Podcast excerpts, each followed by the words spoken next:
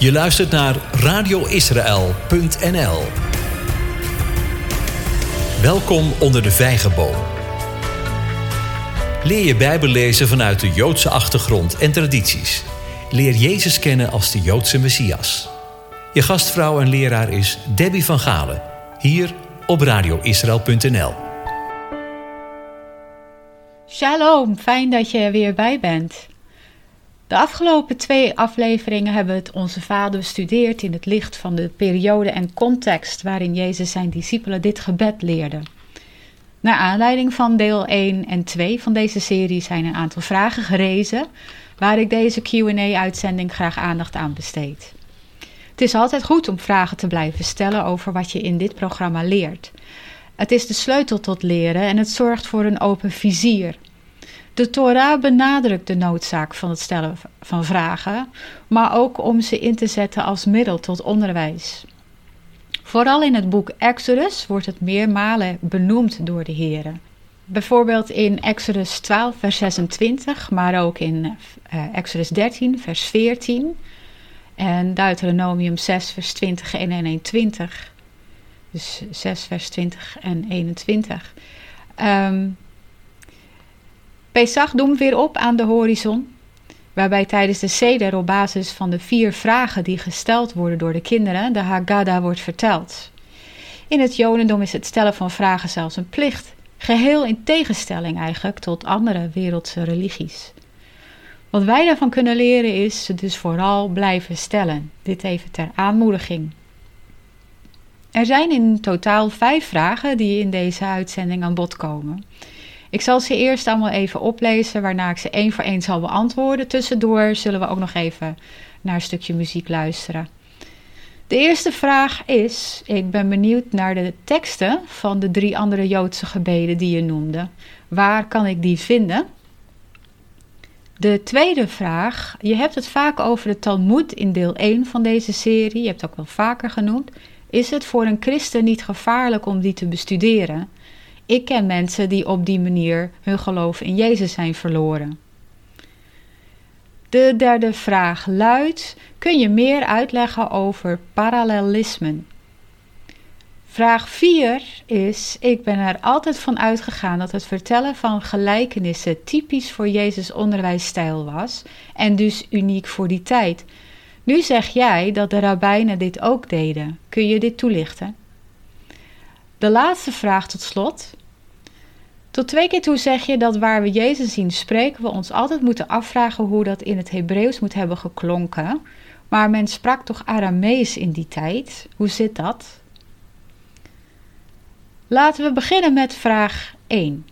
Ik ben benieuwd naar de teksten van de drie andere Joodse gebeden die je noemde. Waar kan ik die vinden? Nou, daar kan ik kort over zijn. Ik zal een paralleloverzicht als PDF bijvoegen zodra deze aflevering in uitzending gemist is geplaatst. Ja, op te vinden op onze website dan natuurlijk. Hè? Vraag 2. Je hebt het vaak over de Talmud in deel 1 van deze serie. Is het voor een christen niet gevaarlijk om die te bestuderen? Want ik ken mensen die op die manier hun geloof in Jezus zijn verloren. Deze vraag heb ik vaker horen stellen en vaak ligt daar onzekerheid en angst voor het onbekende ten grondslag. Aan ten grondslag moet ik zeggen. Nu is het niet erg om af en toe eens te twijfelen aan jezelf of aan wat je gelooft, of het wel op waarheid berust. Een rabbijn zei mij eens: zolang je er maar weer sterker uit vandaan komt. Aan de andere kant ken ik ook mensen die het bestuderen van de Talmud zoveel aandacht hebben gegeven dat hun geloof in Jezus stukje bij stukje werd afgebroken en zijn vervallen in regels van rituelen en tradities.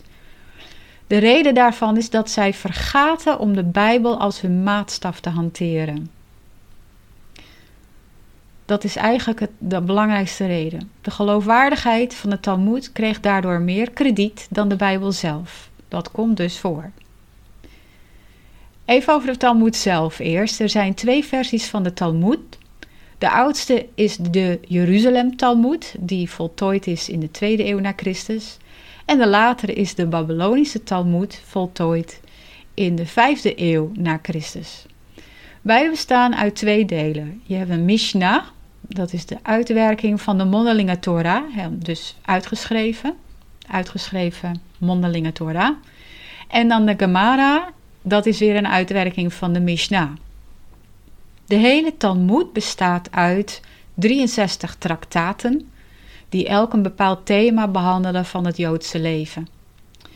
Het is feitelijk een collectie van commentaren, discussies, interpretaties, maar ook geestelijke wijsheden van rabbijnen die hun volgelingen handvatten moesten geven om zich te verzekeren van een zo puur mogelijk Joods leven, wat ook wel halacha genoemd wordt. De Talmud, de Targum, Sidur, Joodse gebedenbed, uh, gebedenboek heet dat. De Dode Zeerollen en andere oude Joodse bronnen worden door de meest gewaardeerde Bijbelgeleerden in de wereld beschouwd als essentiële bronnen naast de Bijbel, ter verduidelijking van wat we in de Bijbel lezen. Deze bronnen geven ons belangrijk inzicht in hoe het leven eruit zag in de Joodse tradities van de verschillende periodes, van Genesis tot en met de val van Jeruzalem in 70 na Christus. De teksten vertellen ons bijvoorbeeld ook hoe men de Tenach verstond en implementeerde in de tijd waarin de verschillende boeken werden opgetekend. Maar ze geven ook ons inkijkje in de geschiedenis van de codificatie van de Tenach. Bovendien geeft het ons waardevolle informatie om de woorden van Jezus beter te kunnen begrijpen. Het is zo dat er zeker in de Talmud verhalen staan die nogal fantasierijk zijn. Ieder weldenkend mens herkent dat ook als zodanig en snapt dus ook dat niet alles wat erin staat voor waarheid moet worden aangenomen. Bovendien is de Talmud bijzonder duidelijk over hoe de rabbijnen na de splitsing tussen de Nazarener Joden en de Fariseese Joden in de tweede helft van de tweede eeuw na Christus over Jezus dachten en hun volgelingen verboden om bijvoorbeeld Jesaja 53 te lezen. Gods woord is de waarheid, de enige waarheid en onze toetssteen voor alles wat we lezen, zien, denken, voelen, horen en zeggen. Maar er staan ook hele interessante interpretaties, commentaren en gelijkenissen in opgetekend, die ons juist kunnen helpen om te begrijpen waar Jezus, Paulus en Johannes bijvoorbeeld het over hadden. Zo krijgen we de betere bril om bijvoorbeeld de moeilijke uitspraken van Jezus, maar ook onze, uh, het Onze Vader, zoals in deze reeks, om die met een betere bril te zien in het licht van de periode en context waarin hij onderwees. Zou ik iemand aanraden om een traktaat van de Talmud te gaan bestuderen? Nee, niet meteen. Mijn advies zou zijn, als je daar nog nooit wat mee hebt gedaan, om eerst maar eens een poos aan de hand te lopen van, een Bijbel, van de Bijbelgeleerden. Die hebben bewezen dat zij onderscheid kunnen maken tussen dat, tussen dat wat nuttig is voor ons begrip van de Bijbel en wat niet. Zeker wanneer je er zelf niet zo zeker van bent hoe je dat zou moeten aanpakken. Werken van Alfred Edersheim, John Lightfoot en E.W. Bollinger, maar ook Robert Lindsay, Dwight Pryor en David Bivin zijn daarvan goede voorbeelden om na te volgen. De apostel Paulus, zelf een Fariseese rabbi, zei in 1 Korinthe 6 vers 12: Alle dingen zijn mij geoorloofd, maar niet alle dingen zijn nuttig. Alle dingen zijn mij geoorloofd, maar ik zal mij niet onder de macht van ook maar iets laten brengen. En in 1 Thessalonicense 5 vers 21 beproef alle dingen, behoud het goede. Johannes schrijft ook in zijn eerste brief, 1 Johannes 4 vers 1. 1 Johannes 4 vers 1, ik zal die andere ook nog even herhalen zometeen. Geliefden, geloof niet elke geest, maar beproef de geesten of zij uit God zijn. Want er zijn veel valse profeten in de wereld uitgegaan. De eerste vers dat ik hier noemde in dit rijtje, 1 Korinthe 6 vers 12. 1 Korinthe 6 vers 12. Toen volgde 1 Thessalonicense 5 vers 21. 1 Thessalonicense 5 vers 21. Dan 1 Johannes 4 vers 1. Nu als laatste in 1 Korinthe 10, vers 12 en 13. 1 Korinthe 10, vers 12 en 13 zegt Paulus: Daarom, wie denkt te staan, laat hij oppassen dat hij niet valt. Meer dan een menselijke verzoeking is u niet overkomen. En God is getrouw, hij zal niet toelaten dat u verzocht wordt boven wat u aankunt, maar hij zal met de verzoeking ook de uitkomst geven om die te kunnen doorstaan. Dat is een mooie link naar de ware Messias presenteert zich studie van eerder. Vooral de zin beproef alle dingen, behoud het goede is voor ons hier behulpzaam, want hoe beproef je alle dingen en hoe weet je wat goed is? Het antwoord vinden we in Hosea 4 vers 6. Hosea 4 vers 6. Mijn volk is uitgeroeid omdat het zonder kennis is. Omdat u de kennis verworpen hebt, heb ik u verworpen om als priester voor mij te dienen. Omdat u de wet van uw God hebt vergeten, zal ik ook uw kinderen vergeten. De NBG-vertaling zegt: Mijn volk gaat te gronden door het gebrek aan kennis. Over welke kennis hebben we het? Ja, dat staat ook in die vers. De wet van uw God, de Torah, onze leermeester. Omdat we zo de kennis van God verkrijgen en dat is zijn grootste verlangen. Dat is de waarheid die bepaalt of iets goed is en dus onze norm om te behouden wat we hebben beproefd. Het gevaar in het bestuderen van onder de andere, andere Talmud is dus dat je de Bijbel niet je maatstaf laat zijn. Maar laten we niet hypocriet zijn. Dit geldt voor alles wat je buiten de Bijbel omleest. Niet alle christelijke boeken bijvoorbeeld zijn solide in de leer. Ooit las ik een boek van ene Rick Joyner, die ik niet aanraad overigens, waarin hij beschreef dat hij visioenen kreeg en de opdracht van Jezus zelf om die op te schrijven. Laat ik het maar zo zeggen, ik begon aan het boek, maar kreeg er al heel snel de kriebels van. Niets wat erin staat is in overeenstemming met de Bijbel, eerder een verdraaiing ervan. En het ademt zelfverheerlijking. Maar tot mijn verbazing waren er heel wat christenen in mijn omgeving die huizenhoog tegen deze man opkeken en dit boek gewoon geweldig vonden. Tegenwoordig moet je bijvoorbeeld ook erg uitkijken dat je niet verzeild raakt in een zweem van modern boeddhisme, vermengd met de Bijbelse leer, Zeker in allerlei christelijke boeken over pastoraat, opvoeding en relaties. Maar er zijn ook mensen die menen een goed christen te zijn door zich aan de leer van een bepaalde kerkgenootschap of theoloog te houden, zonder daarbij de Bijbel als richtsnoer te hanteren en het daaraan te toetsen. De leer wordt verheven boven de kennis van God, die liefde voor Hem en je naaste in de harten van mensen uitwerkt. Waarmee ik maar wil zeggen hoe belangrijk het is om je Bijbel te kennen. En ook hoe belangrijk het is om het te leren kennen vanuit de Joodse achtergrond en tradities. Zodat wanneer er iemand voorbij komt met een claim, een bewering of een leer, je altijd Gods onfeilbare woord als criterium klaar hebt. We zien om ons heen vele van hun geloof in Jezus afvallen. Ik ken er behoorlijk wat zelf en dat doet me wel verdriet. Maar daarom, met de woorden van Paulus: Wie denkt te staan, laat hij oppassen dat hij niet valt. Want als zelfs Petrus, die getuige is geweest van Jezus' aardse bediening, in staat was om hem te verloochenen, dan zullen wij dat zeker zijn. Samengevat, christenen hebben de rabbijnse bronnen nodig als zij de bedoeling hebben, de intentie hebben om Jezus te leren kennen en begrijpen vanuit de Joodse achtergrond en tradities van de eerste eeuw. Laat de vuistregel daarbij zijn: toets alles aan Gods woord. Wat matcht is goed en het behouden waard. Wat er niet mee overeenkomt is vuilnis. Je mag erop vertrouwen dat Gods geest die in je woont, je daarin ook wijsheid, fijngevoeligheid, helderheid en, en richting geeft. En daar mag je ook om vragen. Dan nu de derde vraag kun je meer uitleggen over parallelismen.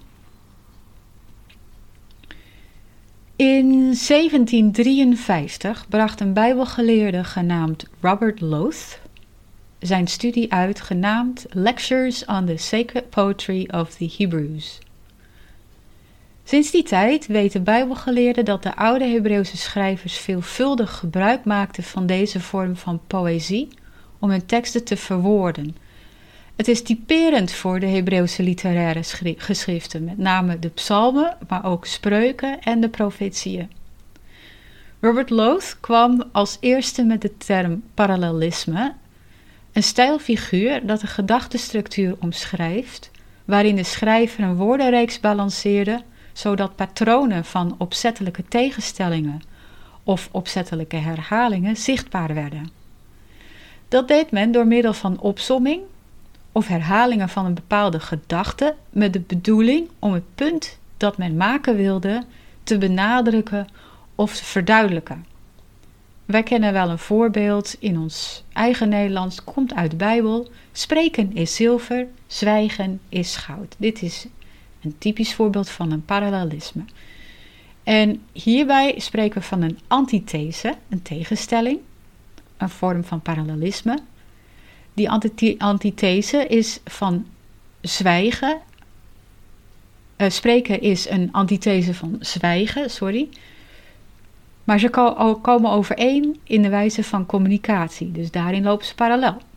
En zilver en goud vallen allebei in de categorie edelmetalen. Zilver iets minder dan goud. Maar daarin lopen zij dus ook parallel. Het verdubbelen of zelfs verdrievoudigen van wat iemand zeggen wil is karakteristiek voor het Hebreeuws. Het is een vorm van het gebruik van synoniemen of antoniemen waar het Hebreeuws gek op is. Woorden, frasen, zinnen en zelfs hele woorden en verhalen bedoel ik, worden verdubbeld en zelfs verdriedubbeld. Een voorbeeld van een heel verhaal is bijvoorbeeld het scheppingsverhaal van de mens. In Genesis 1, vers 26 tot 31 zien we Adam en Eva geschapen door God. Maar in Genesis 2 lijkt er wel overnieuw een verhaal te beginnen. Als je niet weet dat je hier met een parallelisme te maken hebt, de verdubbeling van een verhaal, dan zou je het eens kunnen zijn met wat de liberale theologen beweren, namelijk dat er twee scheppingsverhalen in de Bijbel zijn en dat het dus allemaal niet klopt. Die laatste, de liberale theologen, hebben het dus duidelijk niet begrepen, maar misleiden daar velen daardoor, die dan weer gaan twijfelen aan de betrouwbaarheid en de onfeilbaarheid van de Bijbel. De studie van Robert Loth is dus van groot belang gebleken om de Bijbel beter te leren lezen. We gaan hier even pauzeren. Vraag 4 en 5 komen straks aan bod. We gaan luisteren naar Ata Gibor, You Are Mighty. U bent machtig van de CD Praises of Israel. Een uh, gebed uit de Sidur. Ata Gibor. מחייבת נראתה. אל תגיד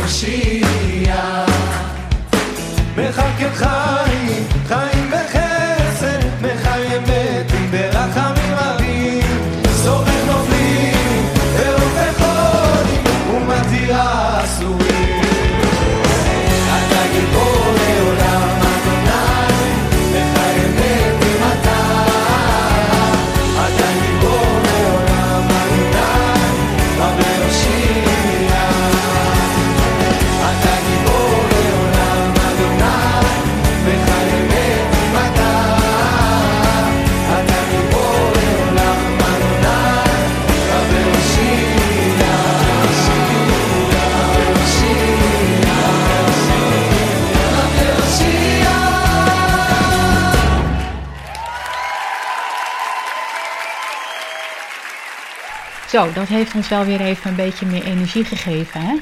We zijn toe aan de vierde vraag. Ik ben er altijd van uitgegaan dat het vertellen van de gelijkenis of van gelijkenissen typisch voor Jezus onderwijsstijl was en dus uniek voor die tijd. Nu zeg jij dat de rabbijnen dit ook deden. Kun je dit toelichten? Dat je daarvan uit bent gegaan verrast me niet. Ik, wat, dat ging ik ook, totdat ik tot die ontdekking kwam een aantal jaren geleden. De waarheid is dat zelfs de rabbijnen deze onderwijsstijl niet zelf hebben bedacht, maar dat dit al in het Oude Testament, of Eerste Testament zo je wil, voorkomt. In Ezekiel 17 vers 2, Ezekiel 17 vers 2, krijgt de profeet de opdracht van de Heer om een gelijkenis te vertellen, wat gevolgd wordt door de gelijkenis over twee adelaren, waarna de gelijkenis ook uitgelegd wordt. Al veel eerder in Samuel, uh, 2 Samuel 12, vers 1 tot 4, 2 Samuel 12, vers 1 tot 4, zien we hoe de profeet Nathan koning David door middel van een gelijkenis hem confronteert met zijn zonde. Er zijn ook nog andere gelijkenissen in het Oude Testament te vinden, namelijk in 2 Samuel 14, vers 1 tot 4, 2 Samuel 14, vers 1 tot 4, 1 Koningen 20, vers 35 tot 40, 1 Koningen 20, vers 35 tot 40, Jesaja 5, vers 1 tot 7, Jesaja 5, vers 1 tot 7, Ezekiel 19, vers 2 tot 9, Ezekiel 19, vers 2 tot 9 en als laatste Ezekiel 24, vers 3 tot 5. Ezekiel 24, vers 3 tot 5. Dit zal je vast verrassen dat er zoveel uh, al waren. Gelijkenissen vertellen is dus een oude Hebreeuws-Joodse traditie die door de rabbijnen werd gebezigd om bijbelse, wij, wij, om bijbelse wijsheden over te dragen, zoals de gevaren van associëren met slecht gezelschap, maar ook de mensen iets over Gods liefde voor mensen en interpersoonlijke relaties te leren. Ze werden ook ingezet om oplossingen voor problemen in de juiste interpretatie van de Bijbel te bieden. In de Talmud vinden we een enorme hoeveelheid aan gelijkenissen van rabbijnen uit de eerste tot en met de vijfde eeuw na Christus. De rabbijnen leerden om de waarheid van gelijkenissen niet te onderschatten, want, citaat, door middel van gelijkenissen kan iemand de woorden van de Torah zich eigen maken. Einde citaat. Deze wijsheid vinden we in de Talmud overigens. Kenmerken voor gelijkenissen. Gelijkenissen zijn één van de vrijste literaire vertelvormen uit de Joodse oudheid die we kennen. Ze zijn typerend voor zowel de rabbijnse literatuur en het Nieuwe Testament. In geen andere vorm van literatuur uit die periode tot met de Dode Zeerollen aan toe zien we ze terug. Het zijn korte verhalen met een moreel inzicht en duidelijk doel die retorisch van aard waren en voornamelijk mondeling werden overgebracht. Op het eerste gezicht lijken het eenvoudige verhalen, maar iemand die ze nader bestudeert zal meerdere lagen van mogelijke interpretatie ontdekken. De echte crux lijkt opzettelijk door de verteller verborgen om de luisteraar uit te dagen op zoek te gaan naar zijn eigen oplossingen. Dit zien we ook terug in de wijze waarop Jezus zijn boodschap in gelijkenissen verhulde en dan eindigde met wie oren heeft die horen. Dat Jezus zijn volgelingen en het volk dat naar hem kwam luisteren dus in gelijkenissen onderwees, is geheel in lijn met de gang de rabbijnse traditie van die periode. Iets wat de mensen dus ook van hem als rabbi verwachten. Er zijn sterke overeenkomsten te vinden tussen de gelijkenissen die de rabbi en Jezus vertelden. Maar Jezus' gelijkenissen onderscheiden zich ook onder andere van de rabbijnse door de lengte. Jezus' gelijkenissen zijn langer. Onderscheiden zich ook door de inhoud. Ze gaan vaak over gewone mensen van het platteland. De stijl is, uh, heeft een sterke vormgeving in de gelijkenissen. En ze staan op zichzelf in plaats van dat ze onderdeel van een preek zijn. Waar bij de rabbijnen dus wel vaak onderdeel van de preek was. Jezus legde zijn gelijkenissen vaak helemaal niet uit, maar dat deden de rabbijnen dan weer wel. Wat Jezus gelijkenissen wel hebben en de rabbijnse niet, zijn onder andere het consequente percentage van details die worden gegeven. Dit alles bij elkaar maakt Jezus gelijkenissen uniek en literair gezien van een veel hoger niveau. De titel rabbi, waarmee hij werd aangesproken, was dus zeer terecht. En het was goed dat zijn discipelen hem dus ook die vraag stelden: Rabbi, leer ons bidden. Tot slot de laatste vraag. Tot twee keer toe zeg je dat waar we Jezus zien spreken, we ons altijd moeten afvragen hoe dat in het Hebreeuws moet hebben geklonken. Maar men sprak toch Aramees in die tijd. Hoe zit dat? Zonder te veel in detail te treden, zal ik daar nu het volgende over vertellen, want er valt echt heel veel over te vertellen. Het klopt dat de meerderheid van Bijbelgeleerden het Aramees als favoriete taal voor de evangelie hebben aangewezen, aangeduid.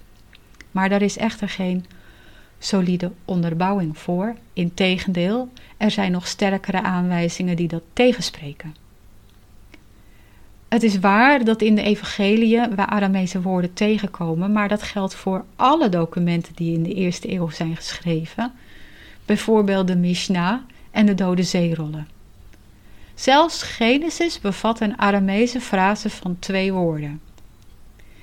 In het Hebreeuws van de eerste eeuw maakte men veel gebruik van Aramese leenwoorden. Aramees was nog steeds een wereldhandelstaal, zoals Engels dat voor ons is. Echter, veel woorden in het Nieuwe Testament die voor Aramees werden aangezien, blijken bij nadere studie Hebreeuws te zijn. Voorstanders van het Aramees als spreektaal beweren dat waar het Nieuwe Testament en Josephus aangeven dat er Hebreeuws werd gesproken, er eigenlijk Aramees mee werd bedoeld en dat het Hebreeuws als gesproken taal feitelijk dood was en alleen werd gebruikt als studietaal voor de rabbijnen. Al in 1927 heeft de beroemde Joodse geleerde M.H. Segal aangetoond door zijn studies dat het Hebreeuws dat men in de tijd van Jezus sprak levend en wel was en niet alleen als studietaal door de rabbijnen werd gebezigd. Met andere woorden, tijdens de Tweede Tempelperiode sprak men gewoon Hebreeuws. Verder onderzoek van het Evangelie naar Matthäus heeft uitgewezen dat hij de woorden van Jezus in het Hebreeuws heeft opgeschreven en dat anderen die naar het Grieks hebben vertaald. De vroege kerkvader Eusebius uit het midden van de tweede eeuw kwam al met dit standpunt en anderen, zoals de bisschop van Lyon en de kerkvader Origen, maar ook latere geleerden hebben dit gesteund. Waarom ons dan afvragen hoe Jezus' woorden in het Hebreeuws zullen hebben geklonken? Is dat nou zo belangrijk? Nou, het mogen duidelijk zijn dat dat ten eerste was omdat hij in het Hebreeuws sprak. Bovendien zegt het ons veel over hoe zijn toehoorders ze zullen hebben begrepen. Ten slotte geldt, ken een taal, dan ken je de cultuur. Zeker waar het gaat om idiomen, spreekwoorden en gezegden, is dit een belangrijk gegeven. Om een voorbeeld van onze taal te geven, probeer maar eens uit te leggen aan een buitenlander wat ons woord gezellig of geborgen betekent. Daar heb je heel veel woorden voor nodig. Of andersom, weet je wat het wil zeggen als ze in Mexico je vertellen dat iemand zijn sneakers heeft opgehangen? Die laat ik aan jou over om dat uit te vissen. En ga dat maar eens letterlijk vertalen in het Engels. Uitvissen. En let maar eens op wat het respons is. Daarmee sluiten we de QA af. Ik hoop dat het tot meer inzichten en verduidelijking heeft geleid en wellicht zelfs geprikkeld heeft om meer over de onderwerpen die in deze aflevering aan bod zijn gekomen uit te zoeken. Wil je meer weten over het gegeven dat Hebreeuws de spreektaal was in de Tweede Tempelperiode en niet Aramees? Dan raad ik je aan het boek Understanding the Difficult Words of Jesus door David Bivin te lezen. Understanding the Difficult Words of Jesus door David Bivin. Ben je nieuwsgierig geworden naar hoe het zit met gelijkenissen uit die periode? Het boek Parables of the Sages, Parables of the Sages door R. Stephen Notley en Zev Safrai, R. Stephen Notley en Zev Safrai, is een uitstekend handboek om daarvoor in huis te hebben. Volgende aflevering zal deel 3 van de serie Rabbi Leer ons bidden zijn, waarin het laatste deel van het Onze Vader in het licht van de Joodse achtergrond en traditie wordt bestudeerd. Vind je dat meer mensen deze serie zouden moeten horen? Mag ik je dan vragen je aanbeveling in het reactieformulier op onze website, die bij deze studie hoort, achter te laten? Dankjewel daarvoor en hartelijk dank voor het luisteren. Ik heet Debbie van Galen en je hebt geluisterd naar Onder de Vijgenboom, het Bijbelstudieprogramma van radioisrael.nl. God zegen en vrede voor jou en lied groot.